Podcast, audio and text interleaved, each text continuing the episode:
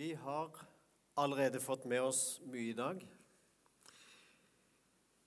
Budskap om å vende seg mot det evige. Og så er det første søndag i advent. Det er eh, veien til Betlehem-tid, og det er vent, ventetid. At jeg ville si noe om ventetid i dag, er vel kanskje ikke så overraska. Jeg har spurt egentlig alle som kom inn på kontoret mitt eh, en dag her, hva siden første tanken du kommer på når jeg sier advent? Og de fleste har sagt ventetid. Der ble det temaet mitt. Advent er jo et spesielt uttrykk. Eh, det er ikke spesielt norsk. Det er egentlig eh, latin. Adventi, adventi dominus, Herrens ankomst. Så mer enn ordet å vente på, så er det egentlig en ankomsttid. Eh, på et hverdagslig norsk uttrykk ville vi vel si at eh, han er i komminga. Det er egentlig det som ligger i advent, og ikke en passiv ventetid. Før i tida så var det veldig vanlig også å ha en fastetid i advent. Foran alle store kristne høytider så hadde du faste. Du hadde fasten før påske, og så hadde du fasten før jul. Og så er advent en ventetid. Hva tenker du på når eh, jeg sier advent? Hva er det første som kommer inn i din tanke, og hva betyr det for deg? Vi skal se på en liten videosnutt fra tilfeldige folk utvalgt på gata i Oslo og hva de eh, tenker om advent. Se på det.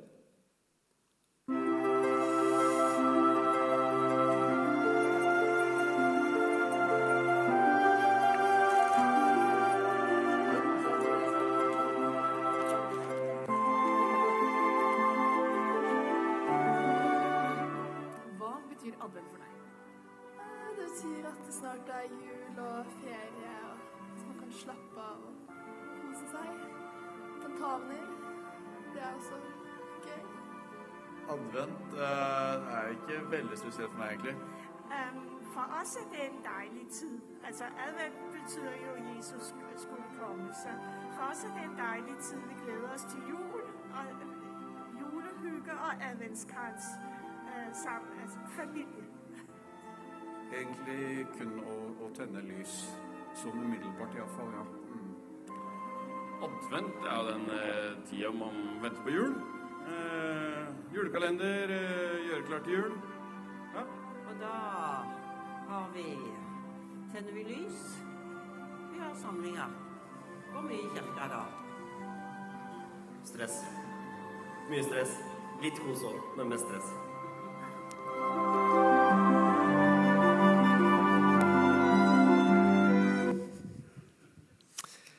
Et gjennomsnitt, vil jeg ganske sikkert tro. Det er ikke sikkert det hadde vært veldig forskjell å intervjue folk på gata i Lyngdal. Hadde vi intervjua enda flere yngre folk, så hadde du kanskje fått enda mer forskjellige svar på det. Ventetid på Messias, det er i hvert fall adventstidas innhold. Tenk deg en kultur et helt folk som gjennom altså århundrer med tradisjon, med lesing, med forventning De venta en konge, en utfrier, noen som skulle komme og gjøre hele landet og stedet og folket og sette det i en helt annen situasjon. Fri. Jeg har ikke levd opp under krigen. Mine foreldre gjorde det. De fortalte litt, men ikke mye. Det var fem år med vanskelige ting, mer eller mindre.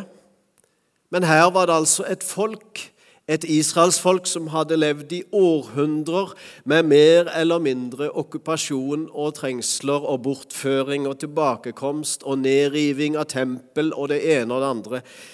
Noen som kjente på trykket av å være undertrykt. Der lå adventsforventninga. Der lå tidskulturen i det med å vente.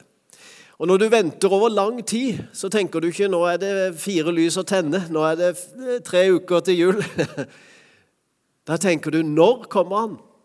Vi vet ikke når, men vi venter og venter, og generasjon kom, og generasjon gikk. Og forventningen satt fortsatt i folket på en sterk måte. Og så kom Jesus, og så kjente de han ikke igjen. Og jeg spør meg, Ville vi kjent han igjen hvis vi hadde vært i samme situasjon? Knapt. Jeg tror ikke vi skal sette oss på vår høye hest og tenke at vi ville skjønt alt rundt Jesus. Det ville vi ikke. Vi hadde absolutt ikke vært noe bedre enn jødefolket på den tida. Hadde stilt de samme spørsmålene, hadde spurt kommer det noe godt fra Nasaret. Eller all verden. Synder og toller og svenn, skulle ikke han liksom stå fram i glans og kongeprakt? Og, og så Betlehem, da. Ja, ja, det var noen som fant ut at i Skriftene så sto det noe om Betlehem, da. Men de måtte leite lenge for å finne det, og folk i gata de hadde ikke tenkt på det. Så Jesus kom på en måte ingen hadde skjønt. Og Så tenker jeg, så sitter jo vi litt med fasiten i dag, da.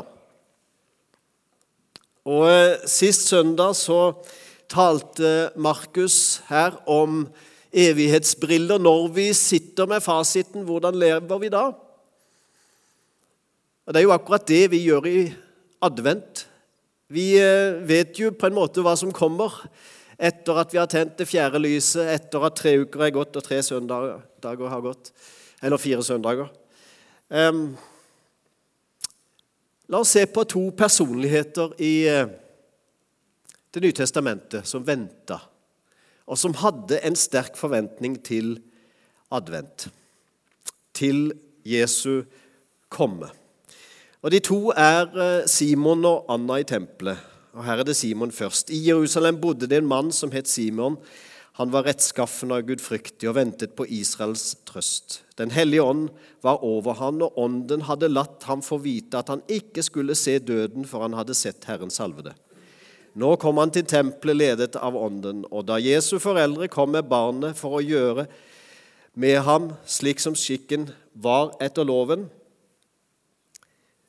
tok Simon barnet opp i armene sine. Han lovpriste Gud og sa, Ære, Herre, nå lar du din tjener fare herfra i fred, slik som du har lovet, for mine øyne har sett din frelse, som du har gjort i stand, like for ansiktet på alle folk, et lys til åpenbaring for hedningene og ditt folk Israel til ære. Den andre personen er Anna i tempelet. Det var en kvinne der som var profet, Anna, Fanuels datter av Ashers stamme. Hun var langt opp i årene. Som ung hadde hun vært gift i sju år og hadde siden levd som enke til hun nå var 84 år. Hun forlot aldri tempelet, men tjente Gud i faste og bønn dag og natt. I samme stund kom også hun fram og lovpriste Gud, og hun fortalte om barnet til alle som ventet på frihet for. Jerusalem. To personligheter som eh, var der de var, og som håpa. Den ene hadde til og med fått løfte at du skal ikke dø før du har sett det. Og Det er jo litt spesielt hvis du har fått et løfte som sier at det skal innfris mens du lever. For det hadde ingen jøder sånn generelt fått. De visste ikke om Messias kom i deres tid eller ikke. Og de visste at foreldrene hadde håp for det samme. De hadde ikke fått oppleve det. Og så kommer en Simon som eh, hadde hørt det, og han var fullt og fast bestemt på at det jeg har fått, det stemmer 100% og en dag så skal jeg oppleve det. Jeg kan sette meg inn i Simons sted. Han går dag ut og dag inn til tempelet. Han ser, og han leiter, og han tenker, og han plutselig en dag så forstår han det. Og Så kommer han fram, og så tar han Jesus i armene. Samme med Anna. Det står ikke at hun hadde fått klarhet at hun skulle oppleve det levende livet, men hun hadde tjent Gud. Og En dag så ser hun det samme, og det spørs om ikke Anna og Simon hadde snakka med hverandre mye gjennom lang tid. Og så gikk de der, eldre mennesker, godt opp i åra og kanskje ikke hadde så mange år igjen å leve. Og Så fortalte de den ene etter den andre ja, Gud har sagt til meg at jeg skal oppleve det. Åssen er med deg? Ja, jeg vet ikke, men, men jeg venter på det, jeg. Og jeg tenker at de gikk der i søylegangen og i skyggene ut og inn og, og venta. Snakka kanskje litt med folk, men kanskje ingen forsto de helt. Og Sånn er det vel. Når vi snakker om at vi har fått et løfte eller tror fullt og fast på noen, så er det ikke alltid så godt å få andre til å forstå det. Av og til så skjønner ikke andre hva vi snakker om. Og så kanskje vi holder det mest for oss sjøl. Og så tenker jeg at Gud har sagt til meg, og jeg holder fast på det sjøl om ingen andre skjønner det. Og så fikk de oppleve det. Simon og Anna. Hva skjer egentlig når et helt folk håper? Det er spørsmålet i dag. Litt av eh, intervjuene de var jo ganske spredt. da. Det var et par stykker som snakka om eh, om eh, Jesus og om forventningen, men ellers så var det liksom lys og ellers eh, tenning. Og det er vel sånn i en kristen kultur. Det er ikke så rart at eh, det er stjerner, og det er kranser, og det er lys. Og det kommer stort sett ut av en kristen kultur. Men utover det så er det ikke alltid folk tenker videre. Det er bare en fin tid å feire noe på. Men når et helt folk håper på det Gud har gitt av løfter, hva skjer da med et folk? Hva skjer med Israels folk? Jeg vil påstå en ting, og jeg er nok ikke helt alene om det, da, så dermed kommer det ikke sånn helt eh, fra meg sjøl. Men jeg vil påstå at synagogen for jødene var viktigere enn tempelet. Tempelet var bare ett sted. Og de hadde nok sine pilegrimsferder noen ganger, og av og til så måtte de opp til tempelet for å feire, og en del gjorde det ved påsketid og andre tider. Men vanligvis så levde jo folk på sine steder, og det var bare de som levde i eller rundt Jerusalem, som hadde tempelet i sin nærhet. Men synagogen, den hadde de overalt. Hva gjorde de i synagogen? Jo, der leste de Skriften. Der siterte de og leste fra bokrullene, akkurat som Jesus begynte sin gjerning i Nasaret da han fikk overrakt bokrullen fra Jesaja. Og så leste han. Mens i tempelet det var egentlig ikke noe lesested, det var et bønnens sted. Det var et feiringens sted, det var et offersted. Så synagogen var veldig viktig for det jødiske folk. Det var der håpet levde. Det var der de hørte Skriftene sitert om og om igjen. Og det var der det satte seg virkelig i hjertet på et folk. Så eh, Når de ble spredt blant alle folkeslag, når jødene ble spredt rundt omkring i hele verden, hva var det som holdt de sammen, først og fremst? Ja, Du kan si at Gud holdt sin hånd over det. Det gjorde han nok. Men det var én viktig ting de alltid tok med seg. Og det var at de hadde en synagoge der det var en gruppe med jøder, stort sett. De gikk til synagogen, og i dag så kan du besøke synagoger over hele verden pga. at det har vært jødiske folkegrupper over hele verden. Og Der levde håpet. Der ble identiteten prenta ned i menneskets hjerte. For noen måneder siden så var jeg igjen på besøk i eh, Lublin øst i Polen. Eh, og i gamlebyen der så ligger det en, eh, ja, det ligger eh, en jødisk restaurant. Jeg har vært på den før og hadde med meg noen nye, og jeg sa dit må vi. Der, å gå inn der det er som å komme inn i en synagoge. Bare med litt andre på en måte ting. Litt, Du har jødisk musikk, og du kjenner lukten av jødisk koshermat. Og der får du en kaffeblanding som du ikke finner noe annet sted i verden enn på jødiske restauranter. Eh, så har du ikke smakt eh, en spesiell sånn eh, kaffe, så skal du gjøre det. Fantastisk sted. Der får du kaker du ikke får noe annet sted egentlig enn på jødiske restauranter. Og Jeg vet ikke hvordan det er rundt omkring i verden, men det har vært et helt spesielt sted. Når du setter seg ned der, så er det som å sette seg ned noen århundrer tilbake Altså tenke at slik har jødene bevart sin identitet. Musikken, eh, ordet, smaken, eh, feiringen. Og vi kom inn på en fredag formiddag i restauranten, og de sa at ja, dere får sitte her noen timer, men så er det opptatt, altså. For i kveld begynner sabbaten, og da er det opptatt helt til i morgen. Så da, liksom, da er det ikke mulig bare å droppe inn, altså. Da er det, da er det fullt der. Og De hadde sine forberedelser til sabbaten. Og det var som om det var synagogen. Men det var en jødisk restaurant i gamlebyen i Lublin øst i Polen. Og Så vet vi hva som skjedde med jødene i Polen, der du har de fleste konsentrasjonsleirene etter andre verdenskrig. Der det store folkemord, og der det ble drept ufattelig mange polske jøder under andre verdenskrig. Hva var det som de kunne bevare der? Nei, de har ikke en synagoge, men de har et lys som brenner. Og I den byen så står det ei gatelykt som brenner dag og natt året rundt til minne om den jødiske minoriteten der som ble utsletta helt. Så tenkte jeg, hva er det som bevarer identiteten til et folk? Som, som holder folket sammen som en enhet? Jo, det er synagogen, og det er skriftene. Der ble det lest fra salmene, fra de historiske bøkene, fra loven osv., osv., og, og som bandt folket sammen i en forventning, profetene, det de hadde sagt om det som skulle komme. Til vår tid.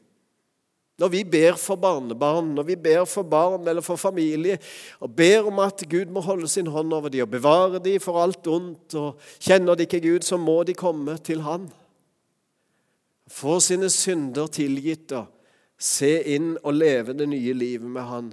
Og mange ber. Jeg har møtt, møtt veldig mange mennesker, jeg må si det. Og det er helt riktig veldig mange mennesker som sier ja, nå ble jeg kristen. Og jeg vet hvorfor. Fordi at mormor eller noen besteforeldre ba for meg en gang i tida, men de fikk aldri oppleve det.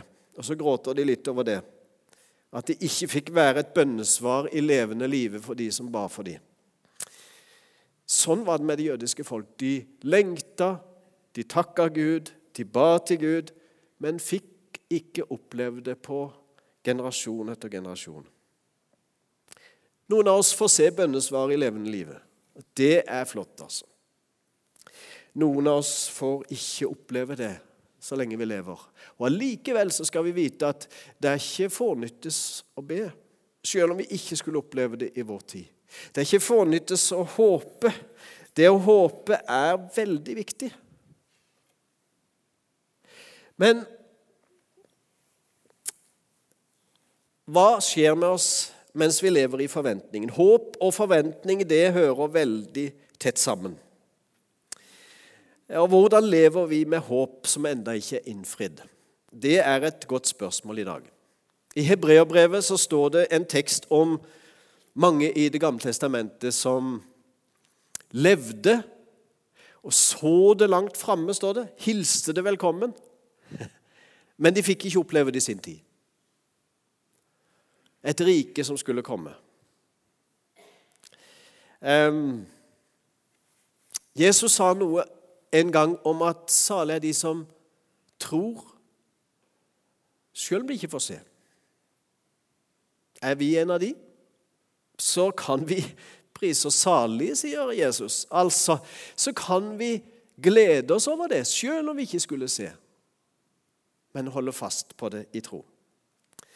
Det er av og til vanskelig for oss. Vi vil smake, vi vil se, vi vil høre, vi vil forstå, og vi vil oppleve det. Alt på en gang. Det er vår tids krav, på en måte. Men når du ikke smaker, når du ikke ser, når du ikke hører, men bare må leve med din tro, hva skjer med deg da? Greier vi det på en god måte som menighet i dag? Som kristne i dag? Det er Bibelens utfordring i en ventetid. Fastetida, som de brukte før. Hva er faste? Er det bare et rituelt grep? Nei. Det er faktisk en kroppslig ting som gjør at tanken klarner, og kanskje vi får konsentrere oss mer om det som skal komme. Og Så bruker vi ikke fasten så veldig tydelig i dag, Og vi trenger jo ikke gjøre det offentlig heller, sier Jesus eh, og Paulus osv.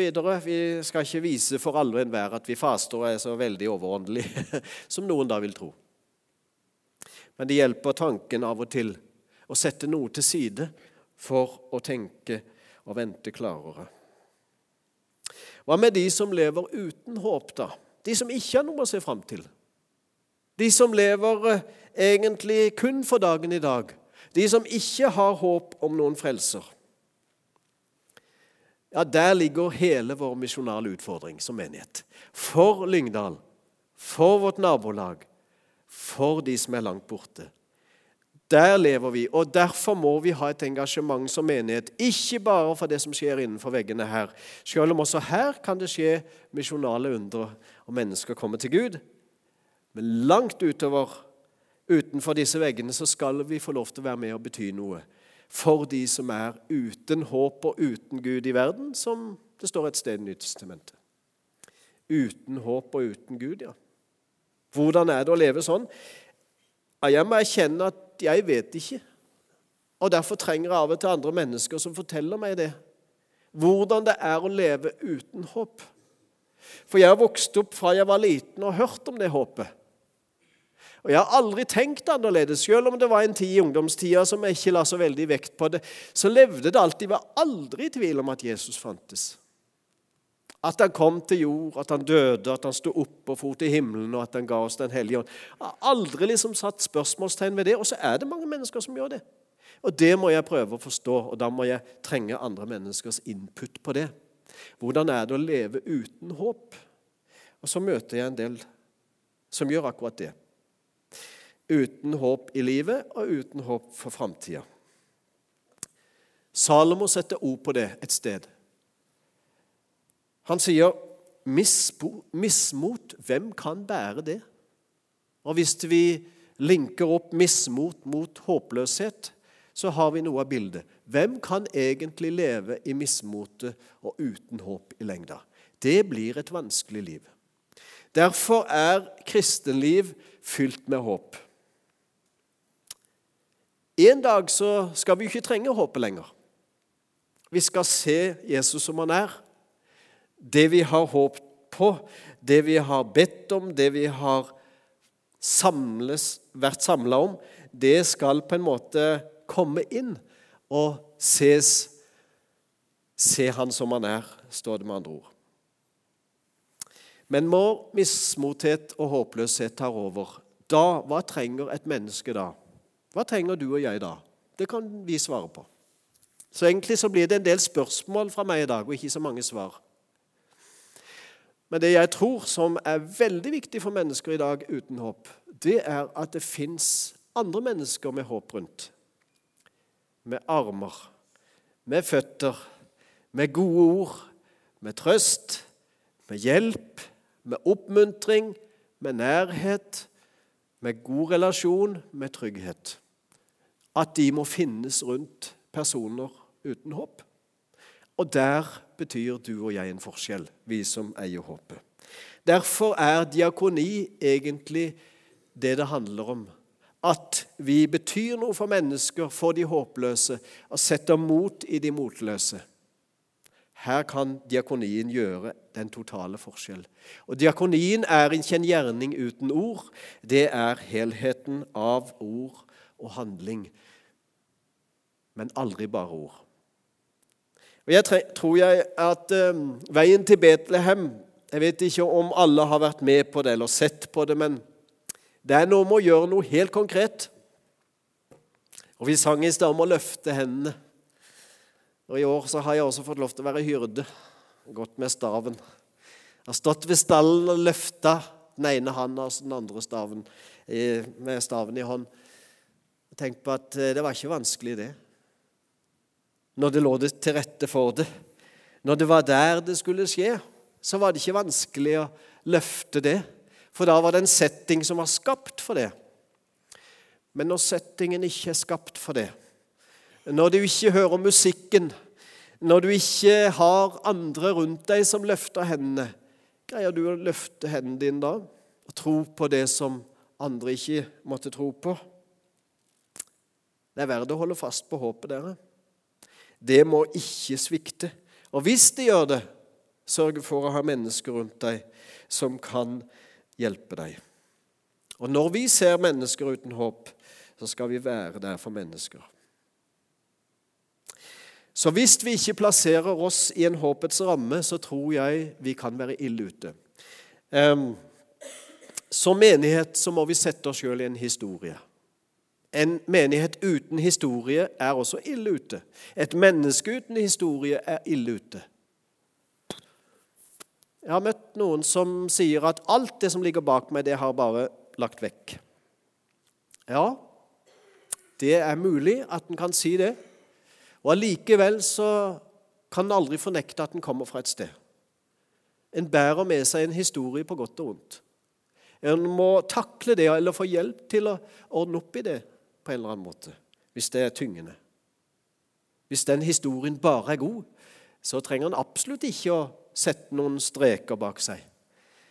Men eh, jeg tror nesten alle mennesker har noe de kunne tenke at det er ikke så greit å snakke høyt om. Det er litt vanskelig å tenke tilbake på, eller det skulle gjerne vært foruten den erfaringen der som ligger bak, enten i eget liv eller generasjoner bak. Og så sette en strek og få hjelp til å sette den streken tydelig i sitt eget liv, slik at en ikke bærer med seg disse vonde sirklene videre i sitt eget. Tilgivelse, ny oppreisning og nytt liv, det er der håpet ligger. Hvis vi ikke har historie, dere, og hvis vi ikke har et framtidshåp, så er vi også vi som menighet ille ute. Hvis vi bare lever her og nå Jeg holdt en tale for eh, noen uker siden der jeg snakka om å være her og nå. Ikke bare leve i det som er bak, eller bare leve i det foran. Og Nå sier jeg i tillegg hvis du ikke tar med det bak, og ikke tar med det foran, så er du like ille ute. Hvis du bare er her og nå. Hvis du bare lever for dagen. Jeg beit merke til og, og lærte meg et nytt ord sist søndag da Markus talte. Yolo. Var det ikke det, Markus? Ja, altså bare til egen tilfredsstillelse og tilstedeværelse bare her. Hva gjør det? Det gjør meg til et menneske uten sammenheng. Uten på en måte noen historie verken bak eller foran. Tilbake til de jødiske folk. De har en rik historie. De har Skriften og loven og profeten, og de har lest de og sitert de til alle tider. og Allikevel så skjønte de ikke når Jesus kom. Men det fins en framtid for de og for oss, vi som har lært og tatt imot. Så advent, det skaper håp og forventning på mange måter. Eh, Håpets Gud. Har vi med håpets Gud å gjøre? Hvis vi tenker på Gud i dag, betyr det håp for deg og meg? Og Hvis ikke det gjør det, så trenger vi å komme til Han på nytt igjen. Løftenes Gud, det er Han vi har med å gjøre. Han har gitt deg sine løfter, han har gitt meg sine løfter. Og de fins i hopetall i Skriften. Og Hvis du ikke har minnet deg sjøl på det i dag, eller denne uka eller denne måneden eller dette året. Finn fram noe av løftene. Hold fast på dem. Hold på, å si. Hold på Bibelen. Hold fast på løftene. De er der i hopetall også for deg og for ditt liv. For din framtid, for din historie. Vi har med livets og framtidens Gud å gjøre. Og Hvis du ikke har sett det i dag, at du har et liv og du har et evig liv, og du har en lys framtid, så hold fast på det fra i dag av. Når vi inviterer fram til nattvær etterpå, når du tar imot brød og vin, så tenk på at det er det Jesus gir deg. Han gir deg håp, han gir deg løfter, han gir deg liv, og han gir deg framtid. Det tilbys vi uten å måtte kjøpe, uten å måtte gå noen lang botsgang, uten å måtte gjøre Gud tilfredsstilt, men bare ved å komme og ta imot. Så du som opplever at håpet ditt blekner i dag i ditt liv, ikke gi opp. Kom til nattverdbordet og ta imot alt det Gud kan gi for deg. Og så ligger ikke underet i elementene her framme. Så er det ikke noe magisk ved det, men en sterk påminnelse og en praktisk handling som gjør oss bevisst at dette tilbyr Gud oss. Håp, liv, løfter og framtid. Vi lever i håpets tid, og det skal vi få lov til å gjøre. Vissheten om at Jesus kom til oss, og at han forbereder oss til evig liv. Jeg vil avslutte med å si advent det er tida før Jesu første komme. Da troen fikk sin begynnelse. Men advent er også tida før Jesu neste komme, da troen når sitt mål. Og Det er i denne tida vi lever, mellom troens begynnelse og troens mål. Der er vår egentlige adventstid. Så hele livet kan vi vente på det på en god måte.